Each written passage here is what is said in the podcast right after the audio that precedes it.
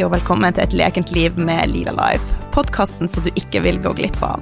Her får du de gode og hjertevarme tipsene for et lekent og balansert liv og helse. Nye tema hver uke. Hormoner, fordøyelse, matglede, sex, selvtillit, eteriske oljer, stress, stressmestring osv. Ja, hva prater vi egentlig ikke om? Noen ganger så har jeg med meg spennende gjester, og av og til så er det meg. Og hvem er jeg? Jeg er Oline, er næringsterapeut, yogalærer, veileder i eteriske oljer, mamma, livsnyter og har ei brennende interesse for ei naturlig helse. Jeg har vært alvorlig syk i mange år, og nå er jeg 43 år og faktisk mer vital enn noen gang. Livet, det leker lite grann. Mitt mål med denne podkasten er å vise at det er mulig å gjøre en stor forskjell med små endringer, brikke etter brikke, steg for steg. Sharing is caring, og jeg blir så glad om akkurat du tar deg tid til å legge igjen en kommentar på iTunes. Det betyr at budskapet når flere, og gjerne tips en venn, naboen, en partner. Ja, du får lov å tipse faktisk hvem du vil. Et stort smil og en smask ifra hun Line Lila Life. Velkommen til en ny episode av Et lekent liv med Lila Life. Eh, I dag så har jeg med meg hun Kristine fra Tankekilden, og vi skal snakke om eh, stoffskifte. Mange i dagens samfunn sliter med stoffskifte, og en del er også i det som vi kaller ei gråsone. Men før vi går videre med det, så vil jeg lese opp ei tilbakemelding, og den kommer fra hun Marte. Fantastisk podkast! Tusen takk for at du lager en podkast med så oppvekkende og nyttig informasjon. Du tar opp viktige tema som andre ikke tør å ta opp. Du er tøff. Å følge deg og høre på episodene gjør livet mitt mer lekent og helsa mi bedre. Tusen takk for det. Og igjen er vi veldig glad for alle som legger igjen en tilbakemelding. Og ta gjerne en screenshot og send på Instagram til meg, lila-life, og så får du en oppmerksomhet ifra meg. Så tilbake til dagens tema, som er stoffskifte. Og som jeg sa, så har jeg med meg hun Kristine fra Tankekilden. og Hun er utdanna kostveileder og er utrolig dyktig på veldig mye, og en av de tingene som jeg syns hun er kjempeflink på, er stoffskifte. Og som jeg sa helt innledningsvis, så er det jo veldig mange som sliter med stoffskifte i dag, og jeg er en av de. Eh, Sjøl så går jeg på naturlig stoffskiftemedisin, og nå sier jeg det, målet mitt i 2020 er å klare å slutte med det. Så det er mitt eh, store hovedmål. Så skal jeg oppdatere dere underveis på hvordan det går. Kristine, hva tror du er årsaken til at så mange sliter med lavt stoffskifte i dag? Ja, det er et vanskelig spørsmål å starte med. um, jeg tror ikke at man helt har det klart for seg, men det man ser, er jo at um, typisk før så var jodmangel veldig vanlig uh, årsak til nedsatt stoffskifte, uh, og det ser vi jo fremdeles i um, såkalte u-land i dag, hvor ja, mat, matmangel og næringsmangel er et større problem. Mm.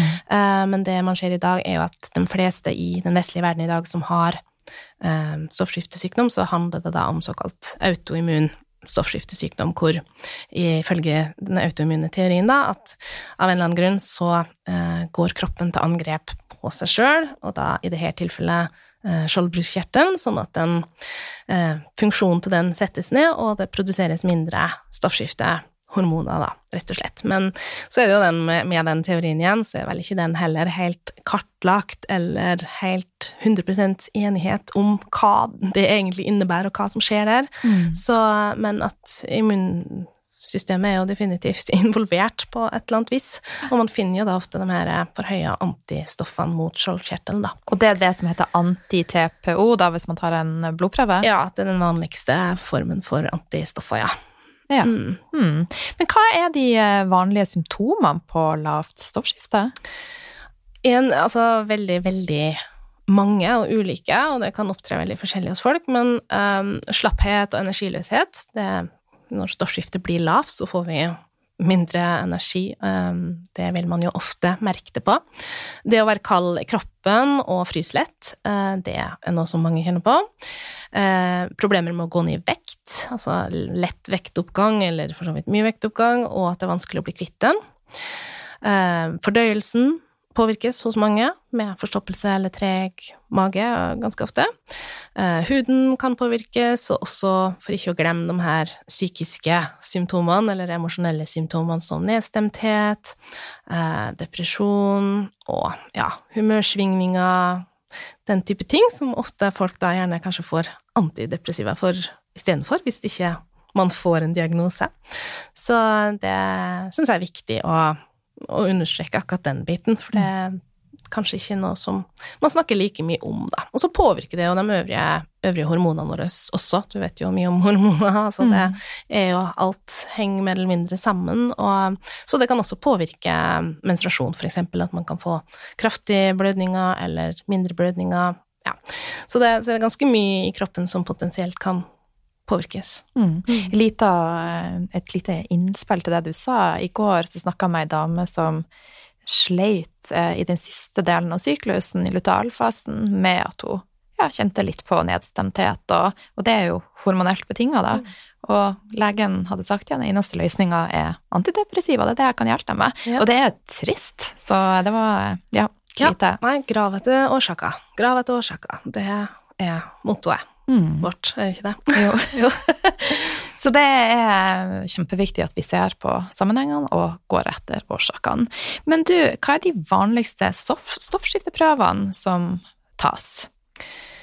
Um, de vanligste som tas, uh, som ofte er med inkludert på standard blodprøve hvis folk går til legen og sier at, eller kommer da med symptomer som kan indikere at stoffskiftet stoffskifte kan være en årsak, så tas gjerne den eh, som heter TSH. Eh, og det er da en måling av det signalstoffet som sendes fra hjernen til skjoldbruskkjertelen om å produsere hormon, for det er jo hjernen som styrer det. Så eh, hvis den da Man ser gjerne etter om den er for høya, fordi da betyr det rett og slett at Eller kan bety at kjertelen produserer for lite, sånn at hjernen da må rope høyere, må sende mm. ut mer signalstoff for å få kjertelen til å trappe opp produksjon. Så det er en sånn typisk kanskje det viktigste, eller vanligste, man ser etter. Samtidig da så kan også den uh, fritt T4, altså det stoffskiftehormonet som heter T4, uh, eh, tyroksin, det um, kan også da være lavt. Men ofte så kan det ta en stund, for kroppen kompenserer jo da å øke den TSH-en eh, ganske lenge før. Så man kan Altså, å få lavt stoffskifte kan utvikles over ganske lang tid. Så den, den første indikatoren er ofte en forhøya TSH. Og så etter hvert, når den kroppen ikke klarer å kompensere, så vil kanskje også da T4 vise seg å da være lav. At man ikke får produsert nok T4, mm. rett og slett. da. Mm. Så det er de to vanligste, øh, men Eh, veldig ofte så ser vi jo da dessverre at det ikke nødvendigvis alltid er nok. Eh, de kan være normal, eh, men man kan likevel ha stoffskifteproblemer. Det her er sånn ja, det er veldig bredt og veldig komplekst og veldig sammensatt og komplisert, da, egentlig. Det er så mange ulike varianter, egentlig, av ting som kan gå litt på tverk i kroppen, som gjør at um, man ikke får en diagnose, da. Mm. Så kanskje det viktigste å nevne der er jo at um, det andre stoffskiftehormonet, som heter da T3, eller fritt T3, uh, det kan også være smart å få målt, fordi at T4 skal konverteres til T3. Så sjøl om kjertelen produserer nok T4, så det, kan det også være et problem med konverteringa. Sånn at hvis du ikke da den eh, kroppen klarer å konvertere til nok T3, så vil det absolutt påvirke energien vår og hvor mye eh, hormon som faktisk kommer inn i cellene. Mm. Um, så det Vi er også nødt til å ha nok mengde T3, og hvis da legene ikke sjekker for det, så kan man jo da gå glipp av å finne ut at det er et problem. Mm. Hvis man går da til en vanlig fastlege eh, og sier at man vil få sjekka stoffskiftet, tar de disse prøvene som du snakka om nå, da? Jeg tror jeg kommer helt an på hvilken lege du møter. Ja. Det er i hvert fall inntrykket jeg har fra den, veldig mange som jeg har snakka med, og det vi ser på de Facebook-gruppene. Det er jo en del, ganske mange Facebook-grupper for mennesker med stoffskiftesykdom, fordi det er så mange som sliter, og det er så mange som ja, sliter med å ikke få nok hjelp, da. Mm. Så, så uh, noen leger nekter rett og slett å eksempel måle T3, og da ville jeg sagt gå til en annen lege, faktisk. Fordi mm. hvis du fortsatt har symptomer, og ting tyder på at stoffskifte er et problem, så bør man ikke gi seg bare med å måle TSH og T4, i alle fall. Nei. Og også det her med å få målt eventuelle antistoffer, da, som kan også gi en indikasjon på at det er en autoimmunitet på gang. Eh, den også hoppes ofte over ved førstegangsrunde, i hvert fall. Men det kan jo godt være at eh, av visse hensyn at det å ta TSH og T4 først, ok, det kan være en grei start. Det har sikkert noe med kostnader å gjøre, jeg vil tippe det, men altså, ok, hvis man starter der, men hvis man da ikke finner gærent, men likevel har symptomer, så bør man jo absolutt gå videre og få testa mer. Mm. Og så er det jo også noe å finne noen som kan hjelpe deg å tolke disse resultatene. Absolutt. Absolutt. For det er jo Og har du noen gode tips der, Kristine? Ja, um, jeg vil jo si at Green Doctors i Oslo har god kompetanse på stoffskifte. Uh, Joakim Iversen også, på Lysaker, uh, på den klinikken der. Han mm. er jo veldig god ja. på stoffskifte. Og så nevnte du noen grupper på Facebook. Ja, det er jo da skal jeg si, uh, lekfolk som da har starta ja. grupper som ikke nødvendigvis har noe faglig bakgrunn, men som av eget behov har lest opp, så det er ganske mye kunnskap der, det vil jeg påstå. Ja. Spesielt kanskje om det her med prøvetaking, tolkning av prøver og det her selvfølgelig alltid et litt tveegga sverd, fordi det er både gode og dårlige råd der, for å si det sånn. Okay. Eh, sånn fordi ingen Alle kan jo komme med råd og så liksom mm. Men gruppene har jo oppstått av et reelt behov. Fordi mm. folk sliter, folk føler ikke at de alltid får de svarene de trenger, og den hjelpa de trenger, og så søker man ut til andre. Så mm, jeg tenker jo først og fremst at det er en positiv ting, egentlig. Mm. Ja. Og så nevnte jeg innledningsvis at det er mange som havner i det som kalles ei gråsone. Altså de får ikke utslag på, på, tester. Og jeg var jo et sånn eh, klassisk tilfelle på det, da. Og uh, satte meg sjøl på på stoffskiftemedisin, og det var som å skru på en bryter. Mm. Men det er jo veldig komplekst, sånn at det kan være andre ting som også lå bak at jeg hadde lite energi, da. Men eh, har du noe eh, Altså, de som er i denne gråsona, hva, hva, kan de gjøre? Eh, som sagt så, så, tenker jeg at det er viktig å huske at eh, lavt stoffskifte, som det vi primært snakker om nå, man kan jo også ha for høyt stoffskifte, men at det er noe som typisk tar tid å utvikle. En sånn klassisk oppfattelse i dag er å tenke på lav stoffskifte som en separat sykdom. Det er litt sånn som den medisinske tankegangen er. Mm. Vi har separate sykdommer. Eh, jeg og igjen mange med, med, meg, mange andre, eller mange eksperter på området, eh, velger heller å se på det som et symptom. At det at kroppen din ikke klarer å holde stoffskiftet opp der det skal være, er et symptom på at noe er i ulage, at, du, at det er noe underliggende ubalanser. Så igjen tror jeg absolutt at man har noe igjen for å ikke bare godta at man har fått en sykdom, og så ta medikamenter for det, for de medikamentene, tross alt, selv om de absolutt kan være helt nødvendige og veldig fint at vi har dem, mm. og at man bør ta dem, men så man bør ikke på en måte slå seg til ro med det, mener jeg, da. Jeg mener at man også bør samtidig eh, grave og se for å finne hva kan være årsaken til at stoffskiftet mitt ikke funker som det skal. Det henger jo tett sammen med binyrer, apropos hormoner. Um, noen eksperter mener at det aldri stoffskifteproblematikk uten binyreproblematikk først, sånn at det å ivareta binyrene, så stress kommer inn der, ikke sant, og livsstil, så det er mange ting eh, man kan gjøre, men jeg tenker at det å få en grundig utredning da først, ikke bare ta stoffskifteprøver, men sjekke da, sant, har man nok B12? Altså det er mange andre mangler som kan gi de samme eh, symptomene på energiløshet og sant, masse ting, så sjekk at man har nok B12. Det er det syndeste, det skjer jeg igjen og igjen. Mange, ching. Altså, det er det ja, eh, det er sant. Altså, jeg får ikke pynta på den sannheten at det er veldig mange uh, mennesker som legger ut, for de legger ut sant, testresultatene sine i de uh, gruppene, og da står det B12 på 250, da. Og det var vel mine man, verdier, det. Ja, så får man beskjed om at jo, men du, mm. du har, tok dem jo da hos leger som sa at det ja. er for lavt. Ja.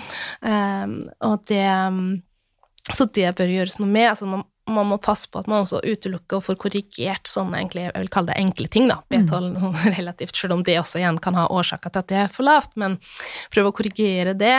Um, tarmen, alltid viktig der eh, tenker jeg også at det kan være smart å rett og slett få utrede. Det altså, også med stoffskifte så ser man at det er en sammenheng.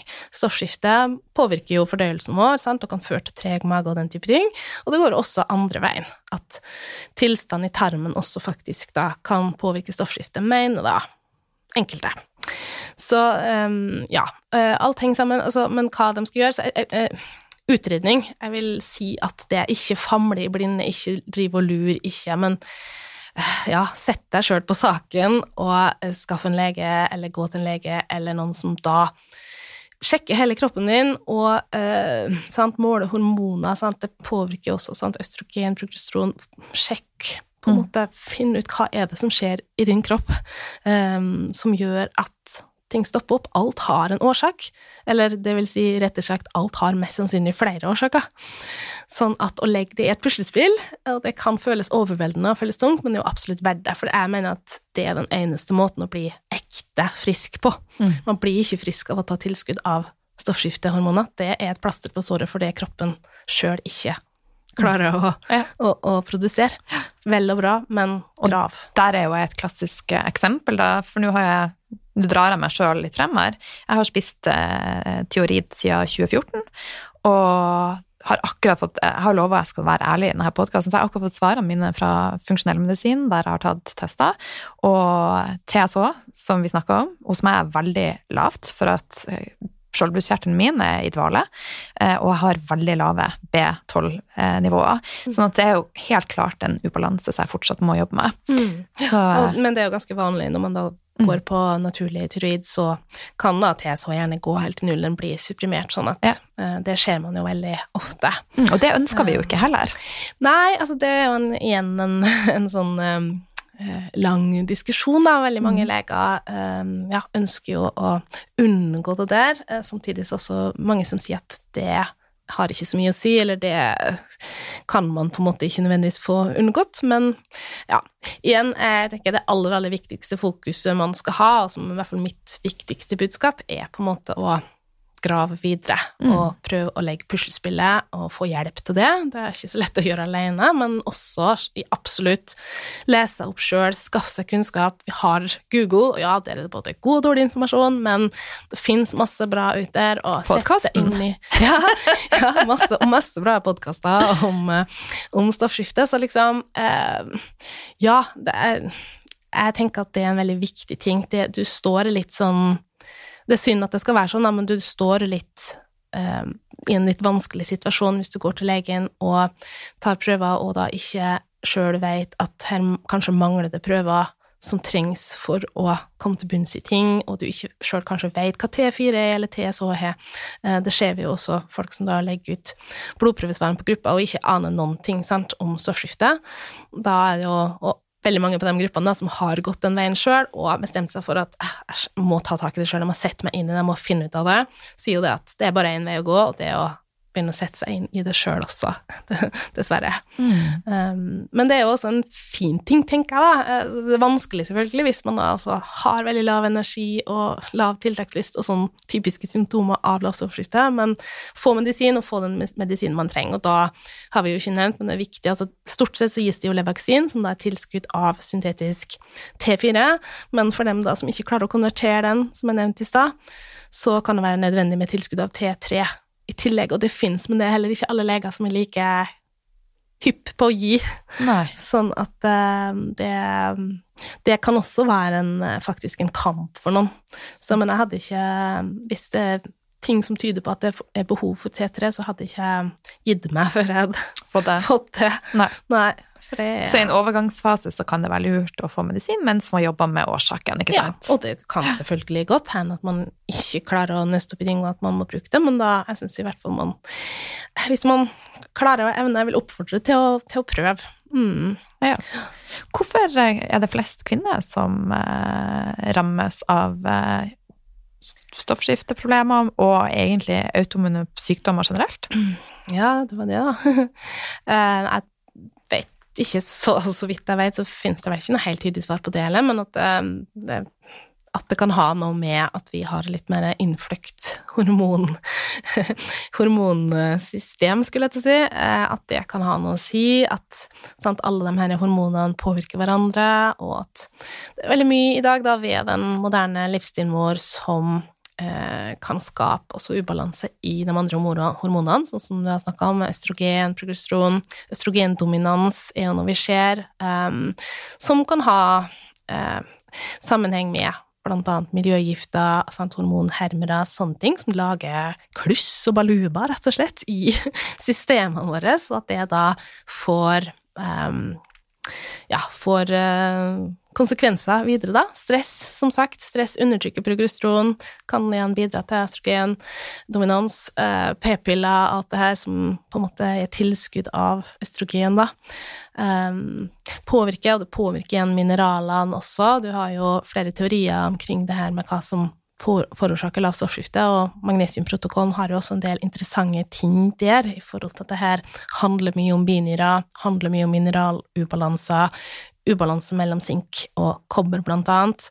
Sant? Jerndysregulering, opphopning av jern i kanskje skjoldkjertel, eh, i lever, og som da skaper oksidativ stress, og at det fører til betennelsestilstander som igjen påvirker stoffskiftet, da. Mm. Og det syns jeg er veldig eh, absolutt interessante teorier som man ikke skal avfeie sånn uten videre.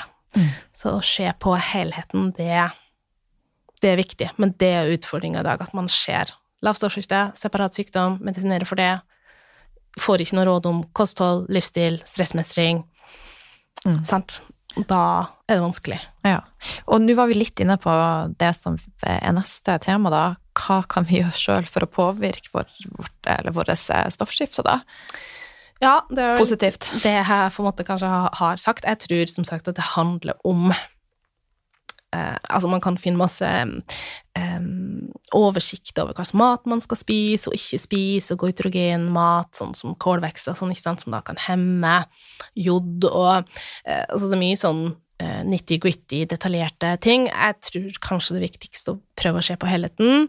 Uh, selvfølgelig også noen tilskudd som selen og visse ting som kan ta. Man må jo passe på at man har nok jod, så det er jod i døgnurin, som vi, når vi snakka i sted, som jeg ikke ble nevnt, men å sjekke jod i døgnurin, også en viktig test å ta, bare for å utelukke, for faktisk, vi ser jo at jodmangel også vi har liksom tenkt at det ikke er et problem lenger i vår vestlige verden, men så ser vi folk kutte ut melkeprodukter, eh, man spiser ikke like mye fisk her som man gjorde før, og så får man faktisk mindre jod. Folk tenker at melk inneholder kalsium, og det er det viktigste, så glemmer man eksempel jod. Kjempe, kjempe, kjempeviktig, og det tar tid å bygge opp de lagrene igjen. Skjer det jo hos gravide eh, damer, ikke sant, og at de har for lite jod, påvirker fosteret. Så eh, Nå snakker jeg meg helt bort til noe helt annet, men Det går fint. um, ja, så man må eh, se på det som uh, som et symptom, se på helheten, prøv å tenke helhetlig, uh, spis ren, næringstett mat. Jeg anbefaler jo både fra plante- og dyreriket, og mener at det sånn, som en grunnregel er det beste for de fleste. Um, prøv å leve en livsstil som, så godt vi kan, som ja, med minst mulig stress, da, og stress som du og Jens nevnte, altså stress er jo så mye. Det handler ikke bare om tidsklemme, men det handler jo også om dårlig mat, eh, næringsmangler, eh, om miljøgifter, sant. Altså en ren livsstil, det vet jo du. Altså mm. hvor viktig det er å skjerme oss fra alt den toksiske påfyllen som vi smører på oss, som vi puster inn, som vi drikker og spiser. Um, det er jo også de her for eksempel flammehemmere, sånn bromerte flammehemmere. Brom er også et grunnstoff som man snakker om tar plassen for jod. Da. Sånn at det også kan eh, fortrenge jod, og det også kan påvirke Hvor finnes det? stoffskiftet. Brom? Ja. Det er sånn flamberte Flam, Flamberte Flamberte flammemmere! ja, uh, bromerte flammehemmere. Altså, det er sant. har gitt det et nytt navn. altså flambert sofa, da, for eksempel. Altså, en sofa kan være inn, eller møbler kan være innsatt, eller gardinene her har sikkert masse eh, flammehemmere. Altså, det er jo et stoff som er tilsatt for at eh, ting ikke så, så, lett skal ta fyr.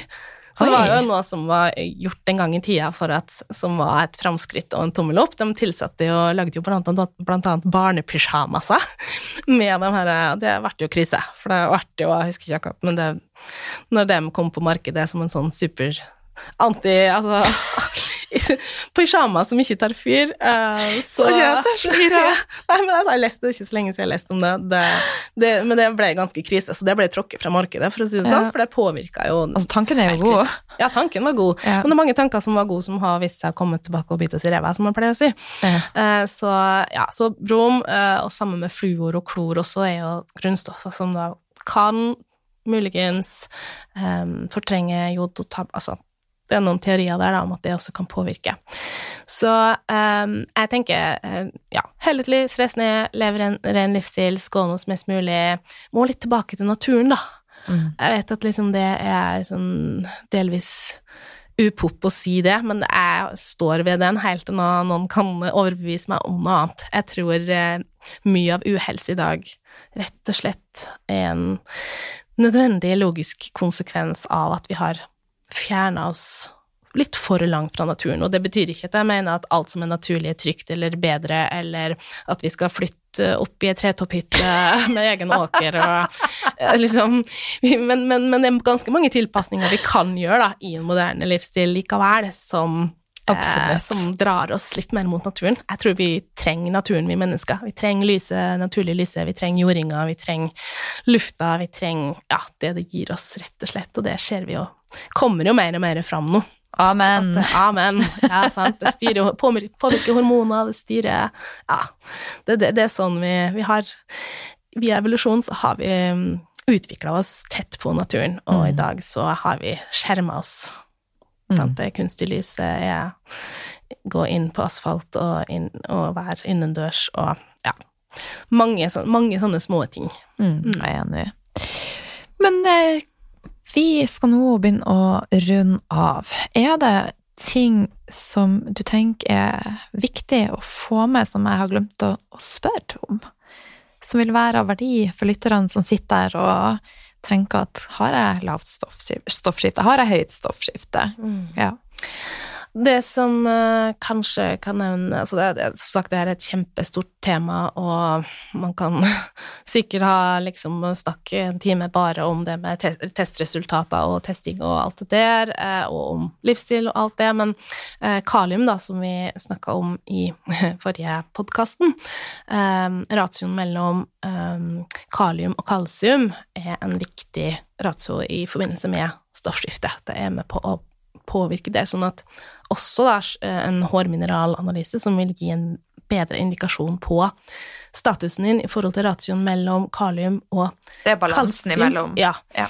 Um, altså, det er ingen tester som er 100% pålitelige, og det, hårmineralanalyse har jo også fått mye eh, kritikk og, og sånn, men um, jeg tenker jo at um, det absolutt kan være med å gi en indikasjon, og selvfølgelig også da på tungmetaller og andre, hvordan det står til ellers i kroppen, men spesielt denne kalium-kalsium-ratioen. Blir det for mye kalsium, og det er jo veldig mye fokus på kalsium, mange tar kalsiumtilskudd um, uten å tenke på helheten, ikke sant, og da uh, kalium blir for lavt og kalsium er for høyt, så uh, påvirker det uh, ja, binyrer, stoffskifte negativt, sånn at det ja, det tenker jeg kan være viktig. Kalium er også viktig for stoffskiftet. Mm. Mm. Tusen, tusen takk, Kristine, for eh, fantastisk informasjon. Eh, hvor kan lytterne eh, connecte med deg? Hvor finner de deg? Jeg er litt her og der. Og nå er du her. Nå er jeg her, snart er jeg der. Nei, altså, eh, bloggen min, da, som det heter Jeg tenker ikke på meg selv som en blogger, jeg håper jeg ikke blir oppfattet som det, men jeg har en nettside med en del artikler.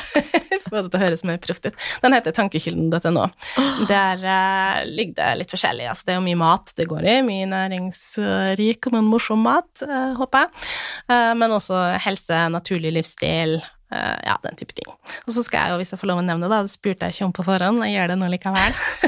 starter jo kurs Nå vet jeg ikke når den her blir sendt, men 1. mars så starter jeg opp med Helserevolusjonen igjen, som da er kurset mitt, eh, nettkurset, for, eh, med fokus da på de her tingene i forhold til ja, hvordan vi sjøl kan ta grep og ansvar for egen helse, og eh, legge til rette så godt vi sjøl kan for å både unngå sykdom og kanskje da komme oss tilbake i balanse hvis vi sliter med helsa. Så det er egentlig litt sånn litt for alle, for dem som har lyst til å fordype seg litt mer i de ulike tingene. Så både ernæring, naturlig livsstil, hvordan vi skåner oss, ja, hvordan vi kan støtte kroppen naturlig. Ja.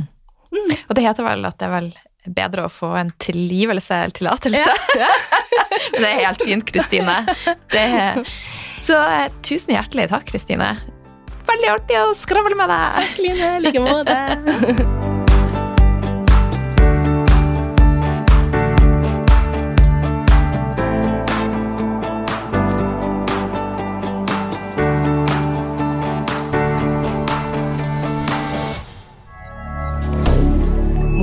rien dire.